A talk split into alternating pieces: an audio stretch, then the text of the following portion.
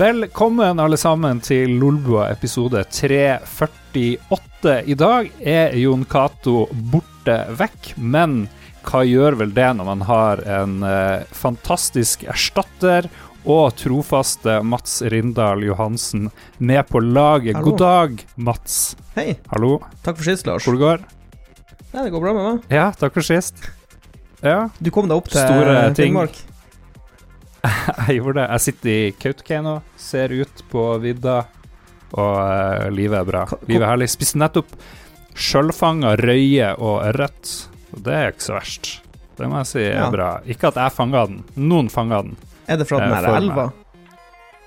Nei, det er fra Kautokeino's største innsjø. Isjejavre. Det betyr meg sjøl. Uh, vannet, eller meg-vannet, eller noe sånt. okay. Jeg vet ikke. Jeg er veldig dårlig på samisk. Kanskje Are Sundnes er bedre enn meg i samisk. Hvor det går, Are? Hei. Eh, jeg er veldig dårlig på samisk, men ellers så går det veldig bra. Kan du noe som helst samisk? Uh, nei. Sønnen min Nei. kan mer samisk enn meg. Han, han har lært noe på skolen, men jeg husker det ikke. Du er Du er i hvert fall kreativ sjef. Jeg vet ikke om du, du har en sånn annen fancy tittel, men du jobber i Hyper Games. Og hva er tittelen din? Eh, formelt sett er jeg vel daglig leder. Eh, Du er daglig leder. Jeg er daglig leder. Ok, ja. Og kreativt geni. Mann eh, som eh, nylig vant eh, prisen for Norges beste spill eh, for Mørkredd. Gratulerer med det. Tusen takk. Det, Hvordan endra livet ditt seg etter det? Det var helt, det var helt sjukt. Eh, altså, jeg har ikke fått et minutts eh, stillhet uh, siden uh, for Det er jo når jeg går rundt i Oslo, og det er jo så mye folk ute på gatene som roper, og ja. Så det er litt Ja, slitsomt, ja, men det var, det var gøy, altså. Ja, Når kommer Se og Hør-reportasjen? Og sitter du i boblebad? Jeg venter på da? Jeg skal få betalt uh, for sånn sydentur. Eh, så Ja. jeg gidder ikke å stille opp i noe Se og Hør-intervju før jeg betaler meg for sydentur. De må løfte litt på restriksjonene, sånn at du kan reise til Spania. Og så, Ja, det er det minste de så kommer intervjuet. Mm. Ja. Hvis du skulle i Se og Hør, Mats, hva ville det vært for, tror du? Du, kunne ligge, du kan ligge med en kjendis. Eh, du har en grusom sykdom. Um, du egler deg inn på kongefamilien. Eh, Jeg tenker det er sånn her, sånn her overvant jeg depresjon, og så boblebad og champagne. Du kan også en gjøre det. sak. Alle kan gjøre det. Det er litt sånn gladsak. Nice. Ja, Ja. det er påske, folkens. Mm. sånn i teorien, i hvert fall. Men ok, jeg har et Um, spørsmål. ja. For de dagene vi er Nå er det jo påskemandag, eller hva, hva heter liksom mandagen i påsken? Tror det heter påskemandag, du har helt rett. Ok, ja. men, men har påsken starta før røddagene kommer? Lurer jeg på, sånn offisielt, egentlig. Det er jo ikke påske nå. Jeg tror i dag er det Nei. mandag. Ja, jeg tenker òg det, liksom. Vet ikke hva Lille, det lille påskedag. Det lille. Ja. ja, Hvilke forhold har du til påske, Are? La oss, eh, la oss begynne soft. La oss begynne Se og Hør-aktig. Eh, altså, jeg har jo vokst opp på Sunnmøre, med gått på søndagsskole og hele, hele pakka, så jeg hadde, jeg hadde mye forhold til påske som barn, men eh, nå er det vel stort sett eh, påskeegg og ferie som eh, forbindes med det. Blir det noe hyttetur? Nei, det blir dårlig med hyttetur. Uh, ja, ikke, ikke i år i alle fall. Nei, jeg tror det er mange som uh, Går, går rundt i Oslo, får litt sol. Jeg har vært ute i, dag jeg Ja. vært ute i eh, bakgården og jobba i hagen i borettslaget. Det var deilig. Mm. Ja, er det mye snø i Oslo nå? Er det noe Nei. påskeføre i Ingenting. Karl Johan. Ingenting. jeg elsker det. Det går an å sykle. Det går an å sykle. Det har vært eh, vår her i en liten stund ja. så det er digg. Ok, og så Jeg tror Se og Hør gjør det sånn her. De begynner med sånn Ja, hvordan har du det med påsken? Og så går de rett over på Hva er det verste du har opplevd i hele ditt liv, Are? og så får de det de kom for. Det er et sånt psykologisk spill. Uh, ja. Mm. Ta trekke meg helt Eh. ned i mitt verste minne. For deretter å komme med et litt sånt spørsmål som de tror jeg ikke vil svare på, altså for at jeg skal være så satt ut at jeg vil si hva som helst. Jeg går ikke på den, Lars. Jeg går ikke på den. Nei, du gjør ikke det. Nei, jeg, jeg føler med deg. Vi, vi var liksom ikke der. Eh, Det var for tidlig. Vi tar det litt senere. Vent Ja. en time, folkens. Hva er, Lars, eh, vi må snakke litt om deg, for du har gjort litt noe kontroversielt nå. Ja, Hva du, hva du har gjort nå? Kan du fortelle eller oss? jeg skjønner ikke hva du mener. Hva er kontroversielt? Nei, jeg tenker, måtte, måtte du eh, dra til, til flyplassen og reise med fly? Ja, hva er nødvendig, og hva er nødvendig? Ja. Det, that's the question, Det er som Shakespeare eh, skrev. Ja, nei, jeg for opp til kjæresten mot alle råd, alle ønsker fra alle, Ja. og var ganske alene. Flyplassen på, i Harstad utfor der var, var ganske tom. Var litt øde? Nesten alle er flinke. Kun jeg og kanskje ti andre var litt sånn assholes. Ja, men kanskje de andre skulle på jobb? Hvor Ja. reiste du, da? Hvor, hvor, Jeg er jo på jobb. Hvor fløy du, da? Nei, jeg fløy opp til Kautokeino, der jeg Ja. sitter og Ja, holder dere med selskap. Nei, det er jo, det er jo dårlig gjort. Men eh, jeg bor alene, omgås nesten ingen, Ja. så jeg føler jo at jeg rettferdiggjør veldig mye i, i meg sjøl, da. Og så overbeviste jeg meg Altså, om at det var helt greit. Du har jo ikke reist til Spania, liksom. Det kunne vært verre. Nei, og så problemet er det har ikke vært korona i Kautokeino siden september, så hvis det kommer, så er det jo jeg og et par andre Er du stressa for som det? tar det med. Da blir det lunsjemobb. Mm. Ja, jo, jeg forventa sånne her fakler og høygafler og sånne ting på flyplassen, faktisk. Jeg gjorde det. Ja da, du. Vi bruker å prate om hva vi har gjort i det siste, og vi kan jo vi kan la deg få noen minutter å tenke. Are, så begynner vi med han Mats. Ja. Eh, Du har vært i Suezkanalen, står det her. Nei, jeg har ikke vært i Suezkanalen. Jeg har tenkt på Suezkanalen. Ah, ja. For den, denne spalten har jo blitt om til hva vi har gjort, til hva vi har tenkt, siden, siden vi ikke kan dra noen plass. Alle sitter hjemme. Så da har jeg filosofert litt på Suezkanalen. Eller Jeg har bare følt som fulgt litt med i nyhetene. Sett litt på memes. Mm. Det er veldig mye bra internett-memes. Jeg vet ikke om dere har sett det? Ja, ja, ja. Jeg liker eh, vår venn Gusta i Rad Crew, han lagde en sånn Tetris-versjon, hvor Ja. det plutselig kom et Suez-kanalskip eh, ned i Tetris-feltet. Nei, jeg har bare liksom tenkt litt på hvor sårbart liksom hele det logistikksystemet vi har bygd opp, egentlig er. Hvis liksom et skip på tverra kan stoppe alt opp.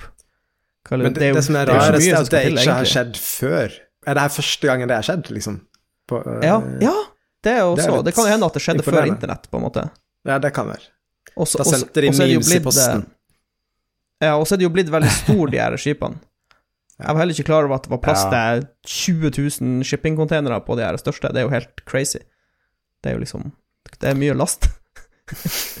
Ja, jeg snakka med en sånn miljøkis, for jeg tenker ok, de her eh, shippingbåtene de er sykt forurensende, de går på sånn den verste oljen i verden. Det går på den sånn, tjukkeste, trasigste olja du klarer Ja. å kjøre inn i en motor, liksom. Jo, men hvis du regner ikke sant, 20 000 containere og alt det som er oppi der på et skip, og så skal du i stedet fly det, eller Mm, du skal kjøre det med Ja, ja, ja, det- eller noe sånt, så er det ikke så, så, Nei er det ikke så ille, faktisk. Det, det, hvis alt skulle gått på fly, så hadde det sikkert forurensa mye mer CO2. Det, det tror jeg ikke ja, vi trenger å kunne tenke jo på gått på hest òg, da. Det er jo ikke bare fly og båter. er Hesterygg, ja, sånn esel og sånn. Ja. Litt sånn eselkonvoi. Få det tilbake Ja. igjen. Ja. ja. Il Postino på hest. Ja, nei, altså, jeg tror, eh, jeg tror kanskje vi må begynne å tenke alternativt her. Jeg, jeg, det var litt Men- morsomt, jeg så på um, dette, var noen, dette var ganske nylig etter det skipet hadde satt seg fast, og så var jeg innom Twitch eh, og så på en amerikaner som streama uh, Escape from Tarkov. Og det, det første han kommenterte, eller begynte å vitse om, var at ja, hvorfor bomber de ikke bare det skipet? Spreng, spreng det i lufta, liksom, for å fjerne det. Jeg vet ikke om jeg mente det seriøst, men jeg likte bare at det var sånn amerikansk eh, måte å fikse det på. Stor bombe. Hmm. Ok, store bombe. Men nå er det, det er jo løst nå, er det ikke det? Han kom seg videre, eller et eller annet i dag? Mats, er du oppdatert? Are? Jeg tror, jeg tror at skipet flyter nå. Altså, det flyter eh, Det sitter ikke fast i bunnen lenger, så jeg tror det, jeg tror det kommer seg bort nå. Men det går vel litt tid før det er klarert, sikkert. For det er en god start å flytte når du er en båt. Ja, jeg tror det var det. Hvis det flyter for ei egen maskin, det liksom Vi må begynne en plass. Baby steps, Lars. Baby steps.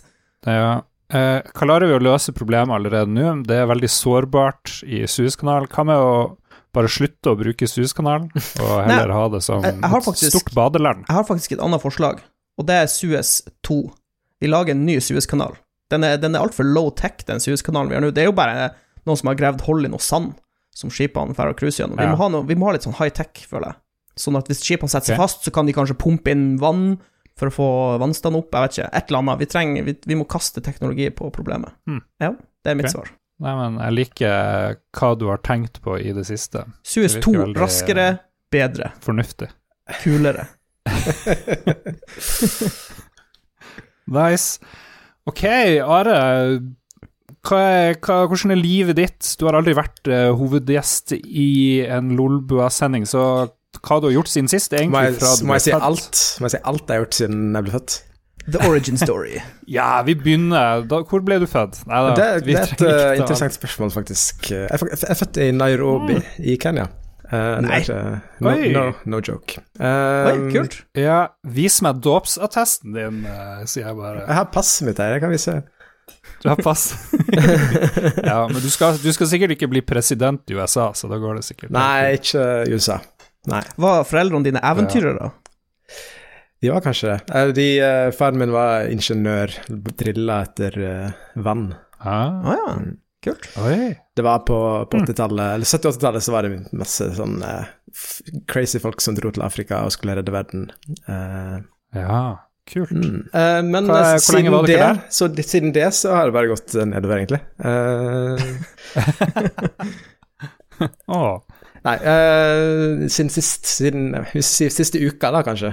Eh, så, Ja. så jeg føler egentlig nå under, eh, under korona så er det Det blir mye det samme, da. Mye jobbing, og så er det mye familie. Jeg har to barn og en kone. uh, så det blir mye familie og mye jobb. Det er stort sett det det går i. Uh, det er veldig deilig, merker jeg nå i dag, når jeg har vært ute og liksom fiksa ting i hagen og liksom ting. Det, det, det, det trengte jeg, så det var fint.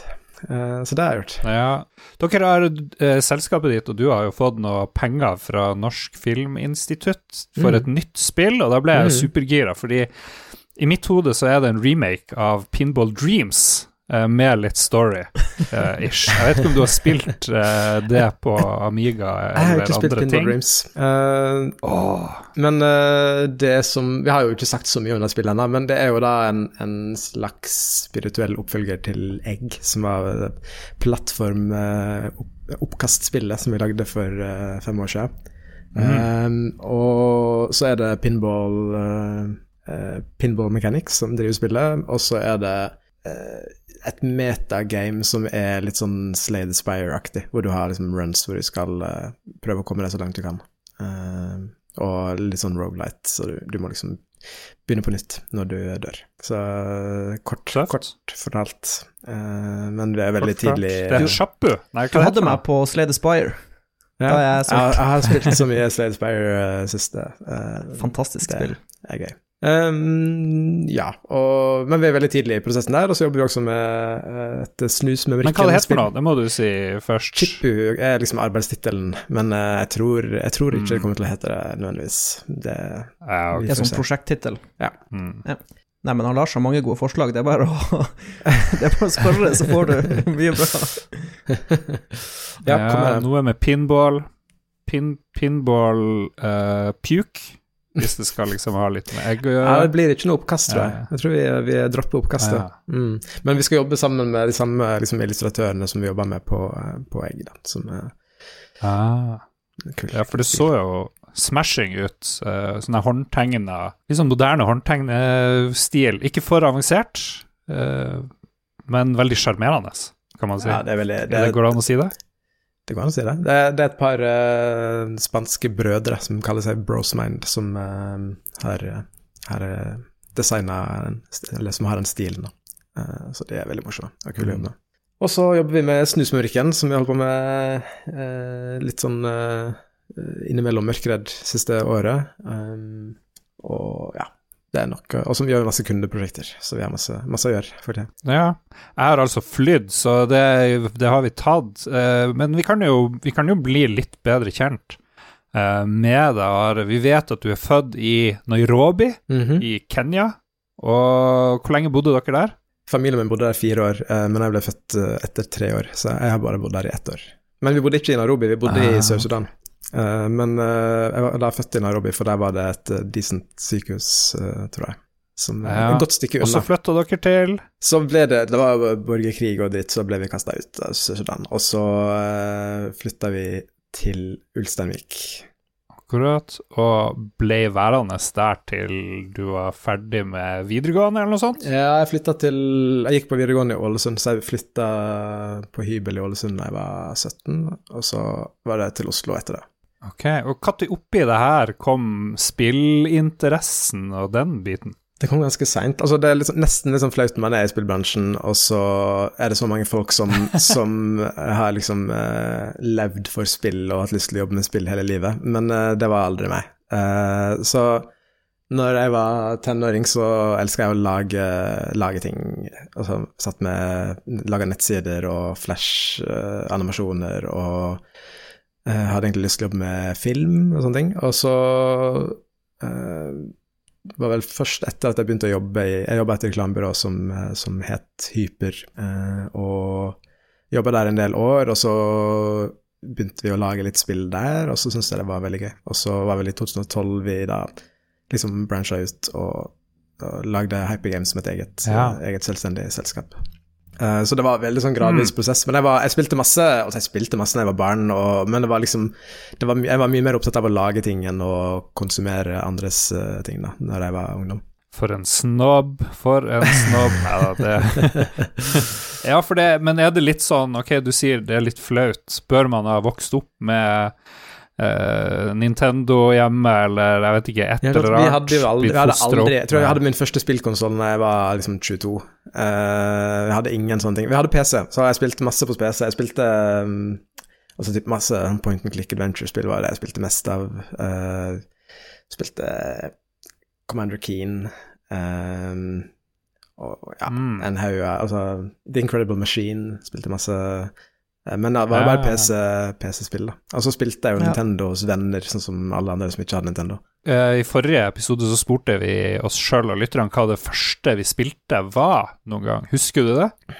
Et,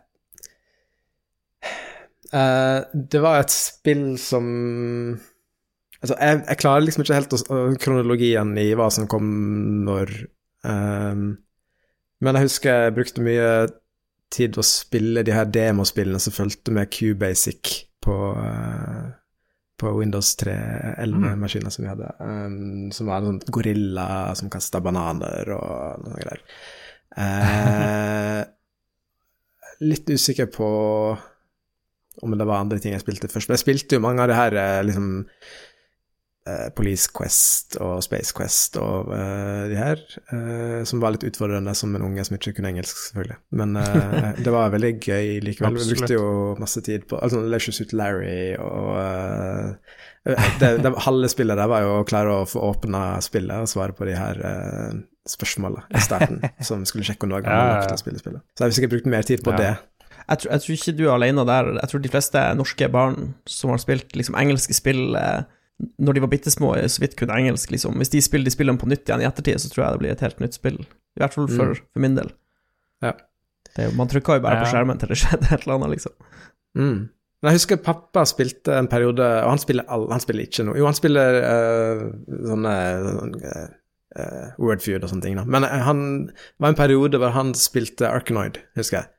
Uh, av en eller annen grunn. Ja. Jeg kan ikke helt skjønne hvorfor, men jeg husker det veldig tydelig. Det var liksom Det brukte han mye tid på, og uh, det, det gjorde skikkelig inntrykk.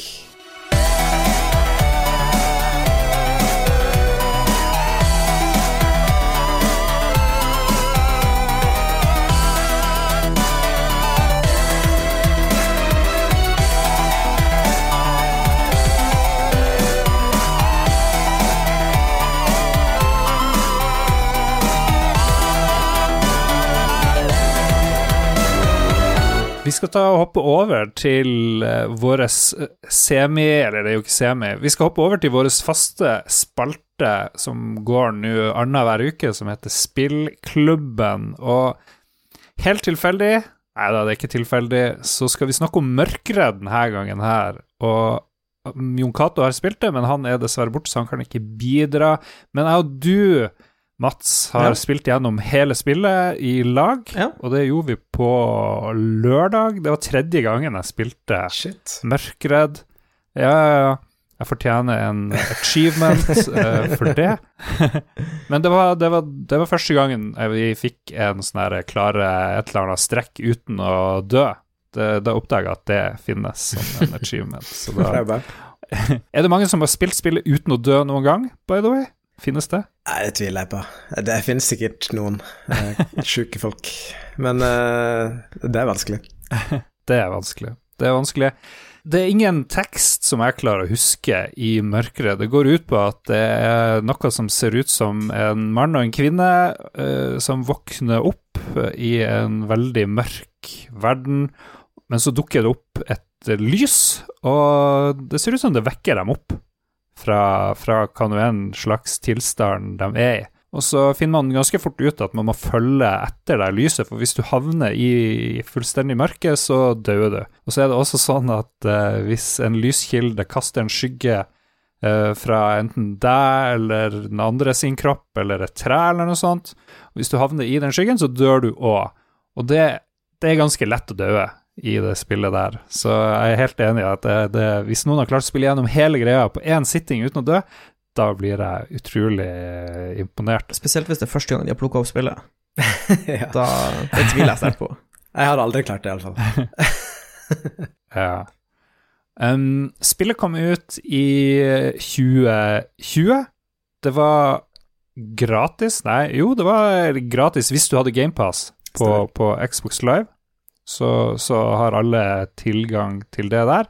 Og ellers så finnes det på Hvilke plattformer er det det er Det på? på, det finnes på Steam, eh, og da- vi lanserte faktisk denne uka her en gratis demo på Steam, så det går an å teste det gratis der også. Uh, og så okay. er det på, på Xbox, uh, Xbox One og XS, og det er på Windows Store. Det Det var det. Og Mats, hva, hva vil du si? Hvordan vil du beskrive min og din eh, reise fra, fra start til uh, slutt? Ja, jeg syns det var utrolig trivelig. Det var um, Jeg merka at jeg savna uh, sånn her couch-coop. Det har jo vært så utrolig lite av det i det siste. Litt pga. pandemien, selvfølgelig, men generelt sett lite couch-coop-spill, kanskje. Og så plutselig kommer det masse couch-coop-spill nå. Eller jeg vet ikke, bare helt tilfeldig, jeg aner ikke. Men ja, jeg syns det var dritkult. Det var uh, Ja, det vekka Det vekka til liv igjen den der uh, gode couch-coop-feelingen. Men jeg ser for meg at du kunne Ja, ja. også spilt det her på Sittet på Discord, liksom, og spilt to stykk. Du må ikke sitte liksom i samme sofa, det er jo ikke noe krav. Nei, du kan vel spille over nettet hvis du går gjennom Steam. Sånn ellers så remote jeg det play er together, online- ja, Mm. Ja. Eller så kan man bruke Parsec eller noe tilsvarende. Ja, for å havne i samme nettverk. Mm. Nei, det er et Parsec eller sånn skjermstreaming. Eller Ja, sånn, ja, ja, ja, jeg skjønner, ja, ja. Litt, litt som Sånn, eh. Steam Remote Play, men uh, bare en ekstra app. Jeg kan jo spørre, siden du er hva er grunnen til at det ikke er sånn vanlig multiplayer? At man kan bare logge på to stykker og joine hverandre? Det er jo et budsjett eh, En kostnadsgreie, Budsjett. egentlig. Altså tid. Og vi, vi har jo brukt eh, så lang tid på Vi har jobba med å spille i fire år. Uh, og så er det veldig mange som sier nå Hvordan kan man lansere et spill i 2020 som ikke har uh, online coop uh, når det er korona? Men det visste vi jo da ikke når vi holdt på å lage det spillet. Sto vi det ikke på kalenderen deres i vi var ikke 2017? på det. eh, Nei, men Det kan godt hende at det er noe vi, vi ser på å legge til senere, men ja. Vi, vi må på en måte fokusere Vi fokuserte på å få spillet ferdig og få det ut. det var det Ja. viktigste. Før Men vi går videre og beskriver uh, Ja, Mats, Jeg, vær jeg skulle bare si at faktisk så tror jeg ikke eh, det kommer så dårlig ut, egentlig. For, for det var én ting jeg tenkte på, var Når jeg spilte med deg, Lars, var at dette er jo et spill med sånn griefing-potensial. La oss si jeg spilte med en tilfeldig fyr på nettet, og det er ikke voice over IP. Da kunne jo jeg sprunget rundt og bare vært en drittsekk og drept han med min egen skygge, så ofte jeg bare ville, på en måte. Ja, Så jeg tror Det å spille det med noen du kjenner, er en god ting for dette spillet. Ja. det var definitivt uh, Vi ville nok ikke hatt sånn uh, random matchmaking uansett, Mm. hvis vi skulle ha gjort det. For jeg tenker sånn, I sånne spill sånn som Journey, så er det liksom det harmløst, det er harmløs coop, på en måte. Mens det, denne har jo Ja. Det har jo faktisk Du har jo makt med å kaste din egen skygge på rundt omkring. Um, før vi forteller litt mer om spillet og mekanikker og, og variasjon, for det er ganske mye variasjon i spillet og noen overraskelser, så kan det jo være artig å høre opprinnelseshistorien til Mørkredd. Jeg vet at det var en del av uh, noe som heter Nå har jeg glemt hva det heter. NME heter gameplay. det var en del av NME Gameplay. Uh, en sånn uh, En stor jam, som er vanligvis hvert år. Der var spillet med i en eh, kanskje litt enkel versjon, og så vant dere det. Nei, vi, vi vant ikke. dere Dere vant Vi ikke? vant ikke, nei. nei. Herregud. Hvem da som vant? Det var Rock Pocket som vant med et uh, VR, uh, VR-spill som de hadde laget. Ah, Det VR, ja, der ser du VR. kritikerne. Kan ingenting. Hva, hva, hva, var, hva er opprinnelseshistorien til Mørkredd? Ja, du tenker til altså, storyen i spillet, eller tenker du på vår opprinnelses... Nei, nei, nei. nei jeg tenker hvordan det, det ble til. Ja, ikke sant. Uh, altså, det var jo som du sa, uh, NM i gameplay, som en game jam hvor vi skal lage et spill på en uke. Uh, og så får man et tema som man skal forholde seg til. Og temaet da i 2017 var frykt. Og vi valgte da å liksom gå for eh, frykt for mørket som, eh, som eh, vår hook på temaet. Eh, og jeg tror vi ganske tidlig, første dagen eller noe sånt, hadde liksom en, grov idé som, om at man skulle unngå å At man skulle trille på en lysende kule og unngå å havne i skyggen. Så det var liksom Det kom ganske fort. Og så har vi brukt veldig, veldig lang tid på å finne ut hvordan vi skal få det til å bli et spill som, som eh, funker, Ja. og som man kan Ja, som kan være noen timer langt, da. At det ikke blir for repetitivt og um, Ja. Så det jo Det Ja. har vært en utfordring. utfordring. Og så husker jeg, husker jeg rett hvis jeg husker et bilde av den her lysende kula og masse folk som står rundt den, ikke bare to som, Ja, altså som første- er i spillet. Første versjonen var jo med tre personer. Eh, Og grunnen til det var rett og slett at det var tre dommere som vurderte NM gameplay. Så vi designa det for tre for at eh, de tre skulle kunne spille sammen. Eh, Så det var egentlig eneste grunn til at det var tre. Og så hadde vi sånn at du kunne I starten så kunne du spille opptil fire spillere. Um, Men det var veldig vanskelig å, å designe spillet sånn at det var nok morsomt å gjøre når man var fire spillere, uh, og det også skulle funke når man var to. Så, så vi, vi fant ut til slutt at, at vi, vi prøver å forenkle litt, og så holder vi oss til to spillere, og så kan du spille alene også, men da styrer du begge spillerne på en gang, som selvfølgelig er vanskeligere. Ja. Og som jeg sa, så er det ganske mye variasjon i spillet. Du begynner da, som sagt, med en kule som får å svirre litt rundt omkring. Man må springe etter den for å ikke, ikke havne i skyggene. Men til slutt så, så er det en, en stor lysende kule på bakken som man må drive og skyve rundt på, og da forandres alt eh, egentlig med en gang. Man må samarbeide ganske mye. Det er ikke nok å bare følge etter en kule. Nå må man få den kula gjennom ulike passasjer og inn i heiser og få ned dører og alt mulig rart. Og så må man til og med eh, drive og ro eh, rundt eh, etter hvert i en slags rafting-simulator. Man òg må samarbeide, for du styrer én åre hver. Og hvis du bare har én åre, så kommer du jo ingen vei, i hvert fall hvis du ror sånn tradisjonelt, og ikke Venezia-style. Og så skjer det ganske mye, mye morsomt med omgivelsene. Det dukker opp monster som man må finne ut hvordan man skal bekjempe. Det er Plutselig introduseres noen fiender eh, som går rundt med armbrøst. De ser litt badass ut. Eh, de, de ser ut til å hate lys, eh, virker det som, de der eh, kjipe monstrene. Så og, så og så reiser man innover og innover i en verden som blir en viss skifter litt karakter. Plutselig så tenkte jeg oi, nå er det sånn Metroid-univers eller et eller annet. og, og ting blir litt Ting blir veldig organisk. Og så kommer du mot slutten, og da endrer spillet karakter igjen. Og blir ganske spennende. Vi, vi hadde mest problemer på slutten, Mats. Eh, vi bruker å si at vi kan spoile alt mulig i Ja. spillklubben, fordi her har folk fått to uker på seg til å prøve det. Og det, du blir faktisk to tentakler som eh, må rydde vei og, og drive og drible uh, den her lyskula som om du er i, i, i NBA. og hvis kula treffer noen hindringer eller blir skutt på, så eksploderer den. Og, og Ja, vi var vi drev og sånn spekulerte i at uh, Ja, hva du skulle Nei, jeg skulle bare si vi var litt ego når vi For vi styrte jo én i hver, så vi ville jo holde på kula og gjøre, fikse alt sjøl, men det, det går jo ikke. Og det, det er utrolig gøy å, å plutselig må lære å spille på nytt, da. Hvordan, hva dere tenkte rundt, eh, rundt de her elementene? Var det mange konsept som ble forkasta?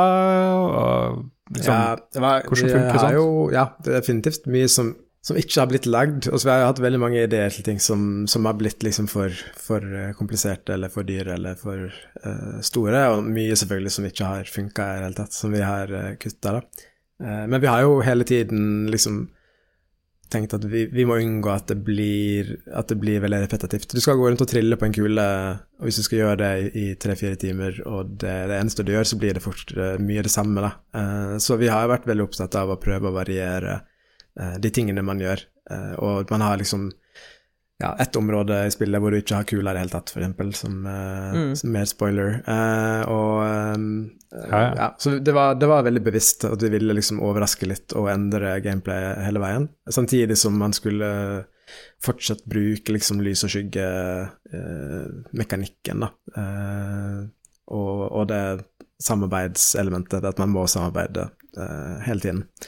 Uh, så, og så på slutten så, så, ja, så, er det en veldig stor uh, endring uh, i hele uh, in, ja, hele hvordan du spiller spillet. Alt endrer seg veldig. Og det var også noe vi hadde lyst til å liksom ha en liten sånn overraskelse mot slutten. At, og det er jo sikkert Det er litt sånn 50-50 om folk liker det eller ikke, for folk har blitt vant til spillet sånn som det er første, første, delen, og så er slutten så annerledes. Så er det mange som ikke liker det, men, men jeg syns det er i hvert fall jeg liker den slutten veldig godt, mm. for jeg føler at det, det, er en kul twist som, uh, ja, som uh, gjør at man ja. må tenke litt annerledes og spille litt annerledes. Vi ble ganske gira da vi skjønte at vi skulle spille basket. ja, vi ble supergira.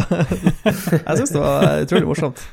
Ja, og så drev jeg og lurte på For det er ganske vanskelig. Det er ikke så lett å styre det, de her armene, så jeg tenkte Altså rent, rent, mekanisk, når du spiller alene, så er det bare basically ei stikke til hver eh, person, på en måte, og når du kommer til den mm. siste delen, så er det én til hver tentakel, sikkert. Mm. Så da, ja, jeg ser for meg det kan bli eh, kanskje litt tricky. Men faktisk, eh, slutten tror jeg faktisk er lettere å spille alene. Ja, tror, slutten er kanskje lettere, for når du skal sentre, og så, så vet du mm. Ja, nettopp. Du trenger ikke tenke på, hva andre gjør. Kontroll på hva du selv gjør, da. Det er jo det som er litt ja. interessant med forskjellen med å spille Har du spilt alene også, Lars?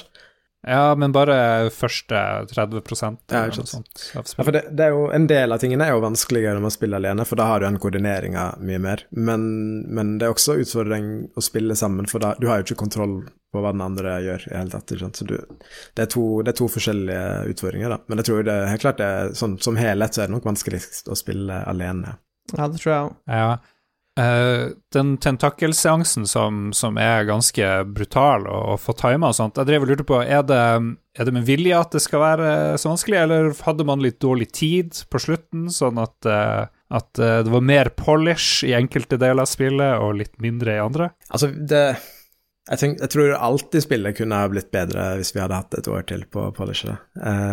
det gjelder jo alle spill, så jeg vil ikke si at mm Uh, at det er, så, det er ikke så enkelt. Men, men uh, vi ville jo at det skulle være vanskelig. Altså Vi ville jo at vanskelighetsgraden skulle øke utover i spillet. Uh, men det kan godt hende at, at, Vi har sett på mange stream-spill og sånn, og ser at det er mange som sliter på slutten her. Så i ettertid så ser jeg at vi sikkert kunne ha fjerna noen prosjektiler og fiender i den siste sekvensen. Ja, nei, jeg tenkte mer at det var vanskelig å styre og få dem av og til til å gå hvor du vil, de her uh, tentaklene. Litt sånne ting. Ja. At det var vanskelig, syns jeg bare topp. Ja. Det syns jeg var helt Jeg syns uh, bare det er bra at det, at det, skal være litt vanskelig, ja. for å være helt ærlig. Du føler får, Du får en større følelse av uh, accomplishment, eller at du har klart noe, når du mm. må slite litt for å få det til å gjøre. Men, men, men det må jo være utrolig vanskelig å, å velge hvor, hvor, Utrolig vanskelig å bestemme vanskelighetsgraden det er uh, i et spill. Det er noe sånn av det vanskeligste ja, ja, altså, i hele spillutviklinga.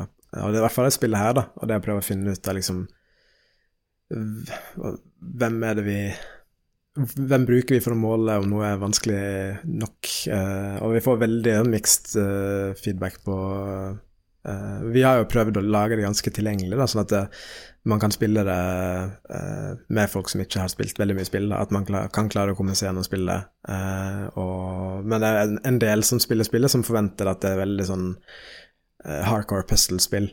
Som, som syns at puzzlene blir for, for, enkle, da. Men vi har jo på en måte ikke fokusert så mye på at det skal være liksom det, det største hjernetrimspillet, da, mm. med den her mm. samarbeidet og koordineringa som er utfordringen i spillet.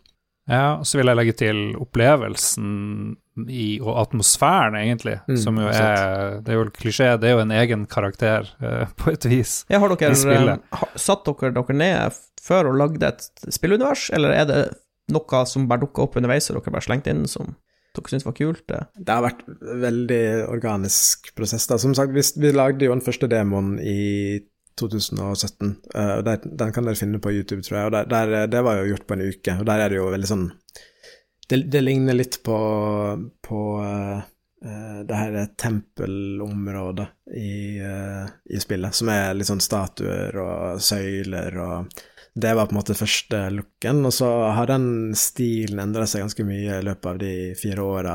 Um, vi har laga Altså, en av de største utfordringene for oss var jo å skaffe funding til å få laga spillet, eh, så vi har jo laga mange demoer og pitcher for eh, publishere og, og reist rundt og vist frem og sånne ting, og, og liksom da har vi prøvd litt forskjellige retninger på stilen, da.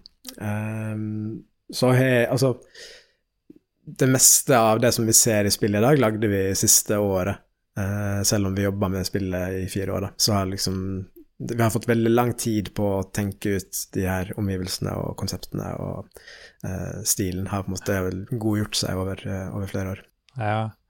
Jeg fikk jo Jeg følte at spillet fortalte en historie uten å bruke en eneste bokstav, uh, så vidt jeg kan huske. Det er Mm. ingen dialog, det er ingen som prater, det er ingen Det er ikke noe særlig med cutscenes, det er mer sånn at kameraet viser noe kjapt, og så er du tilbake i spillet, hvis f.eks. det dukker opp en sånn armbrøst-creep som skal liksom ødelegge for deg. Mm. Hvor, hvordan var det? Hva er tanken bak det? Det er vel litt inspirert av uh, uh, vi liker godt spill som er sånn. Altså er for, også fordi vi er veldig sånn visuelle, eller mange av oss er veldig sånn visuelle uh, historiefortellere, mer enn Det er ingen av oss som er tekstforfattere. Eh, og, så det faller egentlig litt naturlig for oss å tenke liksom, eh, historiefortelling gjennom det visuelle og de omgivelsene og gameplay, da. Eh, mer enn å skrive, skrive dialog og Eh, Og så er det jo en del veldig fine spill som vi liker godt, sånn som eh, Inside, for eksempel, uh, fra Playdead, som, som gjør det sånn på veldig mesterlig måte. Som vi hadde på en måte lyst til å prøve oss på den type fortelling, da, som eh, Ja, som, som går litt sånn den er litt Historien er jo veldig kryptisk, egentlig, det, og litt sånn åpen for tolkning. Så at vi, vi har ikke sagt noe liksom tydelig hva som skjer, og hva som skjer på slutten, og altså Det er litt Vi, vi med vilje vil gjøre det litt mystisk, sånn at man kan, man kan tenke seg litt eh, selv, da, man, hvordan man ønsker at det skal tolkes. Jeg liker veldig godt det at man blir ikke pressa ned en historie i strupen, spesielt hvis det skal skrives på et språk man ikke er så god i, eller ikke er så god i tekst automatisk, så Mm. drar jo det heller bort fra opplevelsen enn å legge til, egentlig. Ja. Og hvis man har lyst til å liksom skjønne mer av historien, så har vi jo masse Vi har eh, sånne veggmalerier eh, rundt omkring Vi har vel tolv stykk, tror jeg, eh, som man kan finne, som er skjult, eh, mange av de, som er utover i spillet. Så, og de er jo litt mer sånn tydeligere på historiefortellingen fra vårt perspektiv, da, selv om alt er jo Vi sier jo ingenting, men, men vi viser litt med, med bilder, da. Uh, litt hva vi Ja. har tenkt. Ja, vi la merke til når vi Ja. var ferdige, at det var Det var mange malerier du Eller av de her veggtapestriene du, du møter med mainstream, men det var sikkert halvparten som mangla når vi var ferdige, så det er tydeligvis at du Ja, må gå halvparten er skyldt. Mm. ja, ok, ja, da var vi dårlige å finne de skjulte, tror jeg. Ja, Vi har, vi har fulgt den røde tråden litt for hardt. Ja, ja, vi fulgte tråden, men ehm, jeg fikk følelsen av at det har vært mange gjennom det samme løpet som vi har vært før, uh, i, i den her eh, løypa. Og det er jo litt sånn, det er jo litt artig, det bidrar jo til historien. Shit, vi er liksom, det er vi som har klart det her. Og så peker det dårlig litt på at det er veldig mange andre som spiller det spillet, og som har dødd uh, mange ganger. Eller kanskje det er vi som har dødd, uh, og så våkner vi opp på nytt igjen. gang på gang. Ja. Og så er det nye, nye sånne glasskuler som må fraktes uh, av sted. Eller glasskuler, lyskuler. Nei, så jeg likte det kjempegodt. Jeg har sagt det før, men jeg tror det er det mest polisha norske spillet jeg har prøvd noen gang. Den der, eh, Med en gang jeg satte meg ned og lasta det ned, så bare tenkte jeg shit, Uh, gud så smooth og og, og behagelig og, og Jeg vet ikke. Så lite janky. Det er jo litt frekt å si at uh, norsk spiller janky, det stemmer jo ikke i det hele tatt, men, men det her var litt sånn Det her var ekstra polish på, kjente jeg da, da jeg spilte gjennom det. Så det, det setter jeg pris på. Ikke bare sånn Det varmer å høre. Ja, ikke bare kontroller, men visuelt og lyd og hvordan alt funker, og level-design og sånn. Så det er ja, veldig, veldig kult uh, spill. Og når du nå til slutt er ferdig med det, så er det, virkelig litt sånn åpent. Hva er det som skjer nå, egentlig?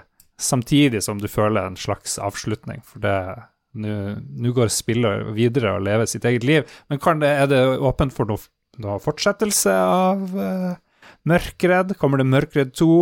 Electric Boogaloo? Uh, vi kan ikke utelukke det, men det er nok noen år til i tilfelle. For nå har vi lyst til å gjøre litt andre ting uh, en periode, tror jeg. Så har vi mange, mange andre prosjekter på gang. Så jeg skal aldri si aldri, men det er ingenting vi jobber med nå, iallfall. Mats, har du noe du lurer på? siden vi har uh, nei, eh, kreativ meister? Nei, altså, jeg syns det var Nei, jeg syns bare det var et koselig spill. Og så er jeg alltid stor fan av sånne Eldridge horror-greier som ligger i bakgrunnen. Det er, ja, det er koselig. Med litt monster. Store tentakler og, ja. og litt galskap. Ja. Jeg vil jo tro det er en grunn til at måtte... For å si det sånn, monstre kunne jo knuse oss flere ganger i, i, i, spillet, så jeg føler jo at det lot oss passere på visse tidspunkter. Så det er jo tydeligvis eh, Ja, jeg tror det hjalp oss. Det drev jo aldri og skulle hindre oss så veldig. Observerte oss litt underveis, liksom. Ja, det gjorde det. Det er veldig gøy å høre på hvordan dere tolker ting, da. Så det, bare fortsett. ja, ja, ja. jeg tror vi skal springe videre i sendinga. Er er det noe du har lyst til å si til de som har spilt det, eller som kommer til å spille det her Spille Hva er? Noe, noe hidden shit? Det er jo um, å utforske For å finne de her uh, maleriene. Uh, det, så det er jo uh, Man ser jo det når man har spilt ferdig spillet, at det er en del ting man ikke har sett, antageligvis, som kan være relativt godt skjult. Så det, det vil jeg anbefale. Å prøve å spille igjen og se om man finner alle. Vi må kjøre en secret run-through, Lars. Ja, vi må gjøre det. Vi bruker jo å spørre lytterne våre om hva de tenker om spillene vi spiller i denne spalten her. Spruceman sier at uh, det holdt han og hans ti år gamle datter sitt fokus hele veien. Uh, det blir garantert noen dødsfall uh, hvor du ikke kunne på forhånd vite at handlingene dine fører til død. Det er heller ikke mulig å løse de forskjellige puslespillene på ulike måter. Har du noen i husstanden, barn, samboere eller lignende, så er det tre timer med moro. Oppgaveløsning som krever litt tenking og litt timing og tilrettelegging. Grafikken er enkel og flott og kan settes såpass langt ned at en bærbar eh, PC med GeForce 1050 kan drive det i 4K 60 FPS, sånn at det kan nytes på TV-en i stua. Alternativt på en Xbox hvis man har den slags. Stemningsfullt, sier han, til de som lurte på det.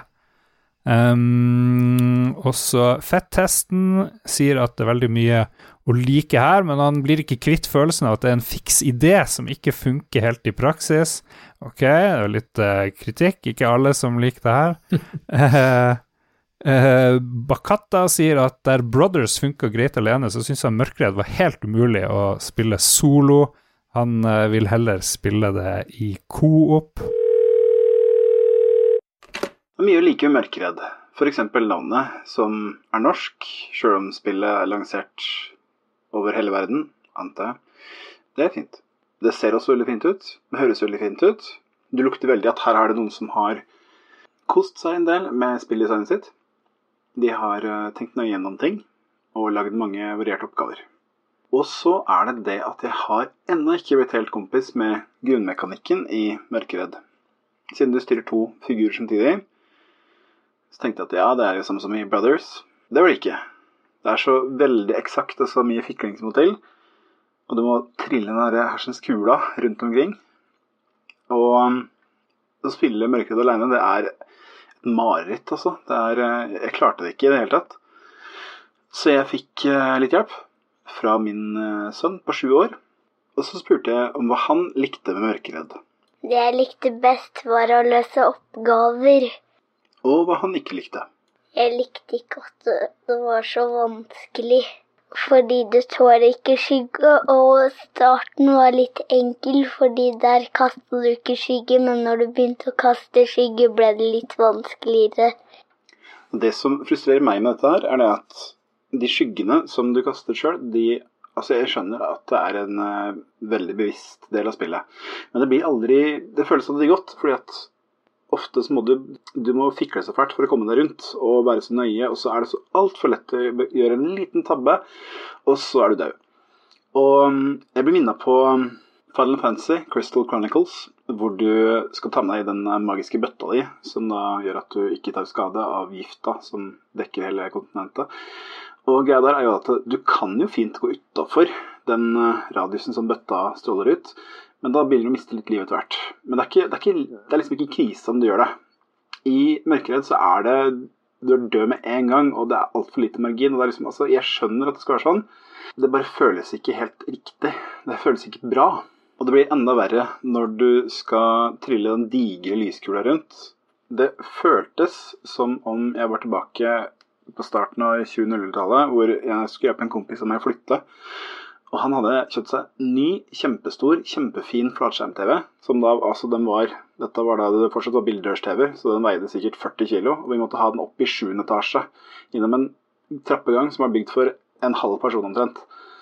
Det er sånn det føles å spille Mørkeredd. Det derre marerittet av et flytteprosjekt der. Og jeg og min co-partner vi var veldig enige om hva som var de beste delene av spillet. Det var bedre å bruke de lysegreiene du kunne bære med deg, og ikke trille den kula. Jeg syns det er et problem at uh, en av mekanikkene som, du, som følger deg gjennom nesten hele spillet, den var vi begge veldig glad når vi slapp å drive og dille med. Den der hersens kula.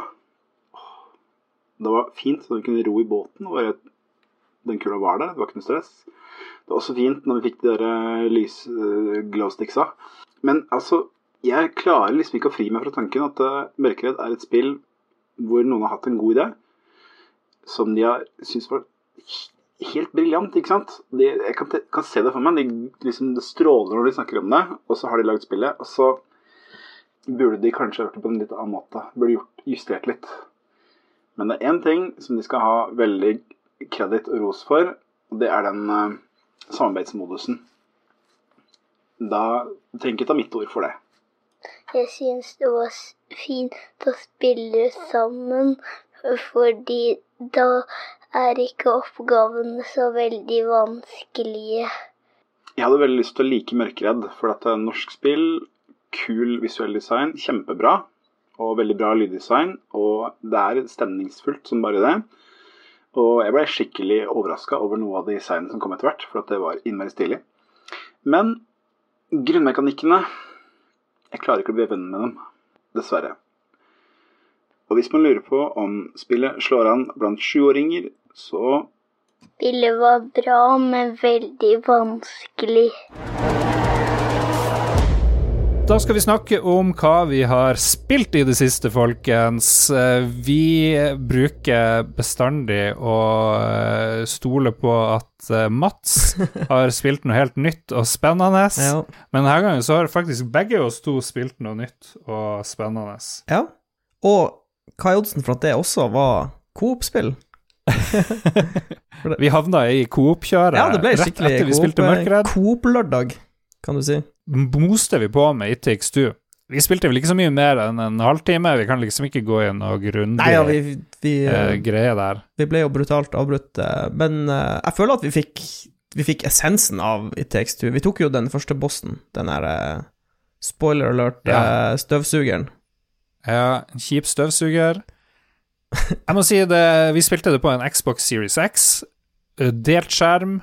Så ut som det var 60 FPS. Fløyt veldig bra, ser smashing ut. Ja. Og da gjenstår det jo bare liksom funke gameplay, og det vil jeg si at det funka. Ja, det vil jeg. ja, det var liksom Det er jo et sånt Det er jo et uh, fullblods 3D-spill, på en måte. Så du, det, du sitter jo egentlig på hver din skjerm og spiller. Det er den eneste kritikken min til sånn at skjermen blir delt i to, er at det blir veldig Det blir veldig smalt, på en måte. Altså jeg, Ja. Ja. Men det finnes ikke noen annen måte å løse det på, egentlig, hvis du skal ha frihet til du ha til to, da må du ha to rundt TV-er og to omkring. konsoller og hive det i nettverk, sikkert. Eller ja, du kommer ikke utenom Ja. det, liksom. Og spillet handler om uh, ei jente som opplever at foreldrene driver og skiller seg, og så går hun og ber en bønn til en sånn her eh, bok om kjærlighet, skrevet av uh, Virker det som en sånn Latin lover-aktig fyr. Uh, og hun gråter på boka, og det detter noe tårene er på to dukker hun har lagd. Hun har lagd dukker av både faren og mora. Og så er det cut away til at far og mor våkner opp eh, reinkarnert på et vis i de der dukkene. Det er sånn Tom, Eh, Tom Hanks og... Big-vibber. Ja, veldig, veldig, veldig. eh, creepy eh, magiker inni en maskin, så er det ei bok. Ja, bok. eh, og han er jo litt creepy, da. Han er sånn her eh, Jeg vet ikke, veldig innstendig og, og hører ikke så mye på hva folk sier. Hans mission er å få dem i lag, uansett om de vil eller ikke, så han gir dem masse oppgaver. Som de Ja, han er sånn samlivscoach, på en måte. Du må, du må jobbe for kjærligheten. Ingenting kommer gratis. Ja, så jeg er veldig spent. Are, har du fått prøvd noe av det her spillet? Jeg har ikke spilt det ennå. Eh, Det ser veldig kult ut. Altså, jeg spiller jo stort sett ting med sønnen min på sju når jeg spiller for tida. Og jeg er litt spent på hvor For det er ganske, nei, det er ganske mye voice, voice acting. Ganske, så vidt jeg har sett, da. Uh, Han ble, han så det jeg lurer på, men liksom Kan man ha glede av det uten å skjønne hva de sier, liksom? Ja, det, det, ja, altså, jeg tror han blir jo Han blir sikkert ikke å få med seg hele storyen, på en måte, men det er, det er så Den der eh, verden endrer seg litt når de blir om til de lekene, så det, jeg tror for et barn så vil det være helt perfekt, for det er en sånn lekeaktig verden. Dimensjonene er litt feil, det er veldig sånn travelt, og det er mye som skjer, liksom, og så er det hopping og blir sugd opp av sånn rør og kasta ut, og jeg, jeg tror det der kommer til å være helt Ja. mm, topp for eh, å spille med ungen sin, tror jeg. Jeg har, jeg har sagt at vi skal, eh, vi skal spille det når vi er ferdig med det spillet vi spiller nå. Ja. ok. Hva dere spiller nå? Vi spiller Nights and Bikes eh, ja. av eh, Foam Sword, Sword tror jeg. Um, veldig, veldig koselig og, og fint spill. Der er, Eh, der er det jo mye prating, er det ikke det? det er tekst, så det er litt lettere, for da kan jeg liksom lese for og, og Ah. du, du, du styrer liksom tempoet selv, da. Når det er bare voice, så- er det mye vanskeligere, for da Det må man liksom si det samtidig som de snakker, og så går man glipp av ting. Uh, så det blir mer som å lese Ja. en bok, ja, og da er det, det er mye lettere å uh, gjøre med, med en, en unge. Uh, men det liker vi veldig, begge to. Nå er vi på siste Siste bossfight, tror jeg, Mm. eller siste fight, og det er litt vanskelig, så vi har holdt oss litt, litt med akkurat den her. Men snart er vi i mål, tror jeg. Det har jeg trodd ganske lenge, egentlig, Kult. så eh, det kan hende at det kommer mer etterpå. Men eh, jeg liker spillet kjempegodt. Okay. Um, vi har ikke spilt uh, i Takes Two så sinnssykt mye, så vi trenger ikke prate så veldig lenge om det, men jeg har også prøvd uh, bitte litt. så vidt kommet ut av tutorialen i Desperados 3, som Ragequit anbefalte varmt, så da måtte jeg teste det. Kameraet driver og gjør meg gal, men min venn Christian sier at du blir vant til det, for du må jo Sånn som det er satt opp basically, det er da en, et realtime strategi-snikespill, egentlig, hvor du går rundt og kan crouche og bruke dine abilities for å ta knekken på masse cowboyer, slemme cowboyer av ulike typer, og så får du flere karakterer du kan bruke som har andre abilities. Eh, litt som et sånn her eh, squad-spill, bare at eh, i stedet for sånn som jeg har spilt eh, sånne ting, andre verdenskrig, så er det cowboyverden, hvor du, hvor du går rundt og, og du kan se hvordan cone of vision, field of vision fiendene har, så kan du justere taktikken din etter det. Og det er veldig artig. Er en, jeg har fått han doktoren, han kan snipe fra lang avstand. Doktoren kan også hive ut sin medisinveske eh, foran seg, og da lurer fiendene på hva er det her, og så kommer de bort, og så eksploderer den i en sånn sky og blinder dem litt, så kan du gå og eh, gjøre hva du vil med dem. Jeg Er sikre på at han er er en sånn doktor og ikke en ninja, eller noe sånt? er han en kirurg? Han er han en allmennlege? Jeg tror han må være kirurg, altså. Han er så presis. ja, okay, ja. uh, så det, det virker veldig artig, og det har jeg lyst til å spille mer av, til tross for de her kontroll-issuesene som jeg må bare prøve ja. å bli vant til. Jeg, må, jeg må si at um, jeg fikk lyst til å spille mer av It Takes Two. Absolutt. Etter vi var ferdige å spille den lille timen, eller hva det var vi spilte. Ja. Det, ja, det gjør mersmak. For jeg husker når vi spilte der Josef eh, Fares. Han er Josef Fares, han er jo Coop-kongen nå, da, men jeg husker når vi spilte Vi spilte jo gjennom det forrige spillet hans, uh, A Way Out, når du skal drive og rømme fra Ja, ja. fengselet og styre og herje. Og da husker jeg det slet litt med sånn performance. Altså, det var litt sånn her Ikke supersmooth optimisert, føler jeg. Det var litt sånn choppy og Men her har de liksom gjort det helt motsatt. Her er det bare Det, det flyter som bare det, liksom.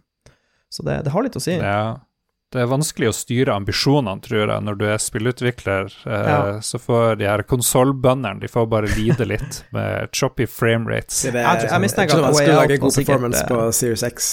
Så- Ja, nettopp. Ja, det, det bør nevnes. Dette var på Series X, det var ikke på forrige generasjon.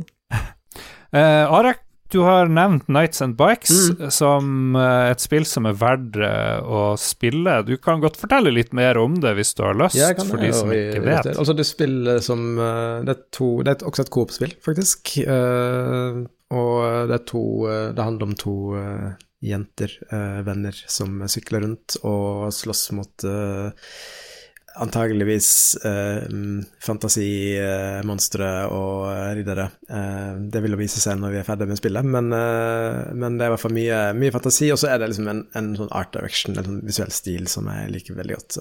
Utrolig Jeg er ofte sånn jeg, de spillene jeg spiller, så blir jeg dratt til det visuelle ved de. Eh, men likevel så har jeg også spilt mye Slade Aspire i det siste, som jeg syns ser skikkelig dritt ut. Men eh, er veldig gøy å spille. Ja, det har, det har ikke den peneste arten, det kan ingen Nei, komme og det er ikke, ikke min smak. Jeg, jeg hadde ikke trodd jeg skulle like det spillet, men jeg ble liksom eh, anbefalt å, å teste det, og så eh, ble jeg veldig hekta. Så nå har jeg spilt ja, 150 timer eller noe sånt. Um, Ja, okay, ja, det er respektabelt. Jeg er stor, jeg er stor fan av Er det noen Ja.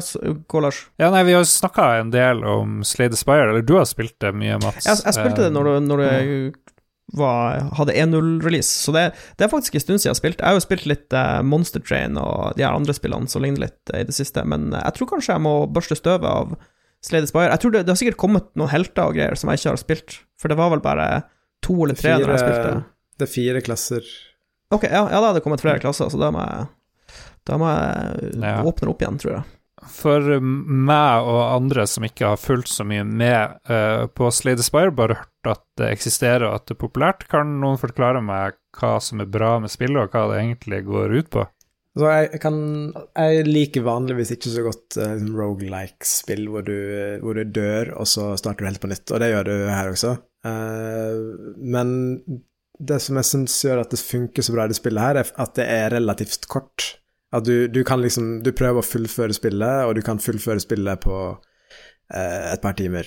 eh, hvis du gjør det hvis du spiller, Eller kanskje én time, hvis du spiller veldig bra, da. Eh, og og da, ikke, da føles ikke det som en så stor det, det er forskjell på det å bruke liksom eh, en hel kveld på å prøve å komme deg liksom eh, litt videre i et spill, og så dør du, og så begynner du helt på nytt. Jeg har også spilt mye liksom Don't Starve, som jeg også likte veldig godt, men da sleit jeg litt med det at jeg, jeg føler at du du mister så mye når du starter på nytt, da. Eh, Eh, mens i Slade Spire, som da er et, eh, det er et kort spill, det er liksom uh, uh, Heartstone eh, eller, eh, eller Magic the Gathering, bare at du spiller måte bare mot en datamaskin. Da. Det er bare du som har kort, uh, og så spiller du mot spillet og skal prøve å overleve og få masse ulike powers og skills og sånn utover, som blir kraftigere og kraftigere, og så møter du liksom de uh, møter noen bosser på vei igjen og fiender, og så er det veldig mye random generert. Så hver gang du spiller, så er alt litt annerledes, og du får litt Mm. andre kort og litt andre powers, så du må liksom Du lærer ganske mye av å spille spillet hver gang,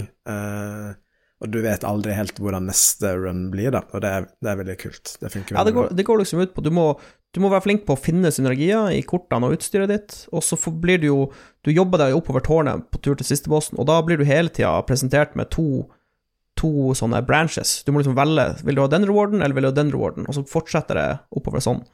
Eh, og da, det gjør at du må liksom Du må ta faktiske valg, da, men det er jo Mm. stort sett om du vil ha den positive effekten eller den positive effekten, eller Ja. Men det, det presenterte eh, Liksom, regelsettet i spillet er utrolig bra, og det er bra balansert, så det, det, flyter, Veldig. det flyter veldig bra. Og så er det Mhm. ofte ikke åpenbart hvilke valg man skal ta. Det er veldig vanskelig Nei, valg ofte. Det ja. Som er Du kan ta ett valg som føles veldig dårlig der og da, og så når du kommer til litt lenger opp, så bare Oi, nå får du den tingen som fungerer veldig bra med den tingen. Så løsner det liksom helt. Så det er utrolig morsomt når det skjer. Da føler du deg Mm. flink. Er det noen andre spill du har testa i det siste, året? Jeg har Det Hva var det forrige spillet som, eh, som jeg husker eh, Det er jo noen uker siden nå, men Karto spilte jeg puslespill som er også på Ah. GamePass. Uh, jeg drev og trolla gjennom der, Ja. som også er et sånt veldig visuelt uh, pent spill, og veldig kult. Uh, spillmekanikken i det syns jeg funker veldig bra. Det er sånn du har puslespillbiter uh, på et kart som du eh, kan eh, flytte rundt på og rotere, og så må du på en måte bygge kartet ditt selv, da. Eh, Når du skal ut og utforske, så må du hele tiden eh, løse puzzles med hvordan du plasserer brikkene. Litt vanskelig å forklare, men det er, det er lett å skjønne hvis man ser en trailer, eh, hvordan det funker. Ja. Mm. Jeg har lasta det ned, men jeg har ikke fått prøvd det enda.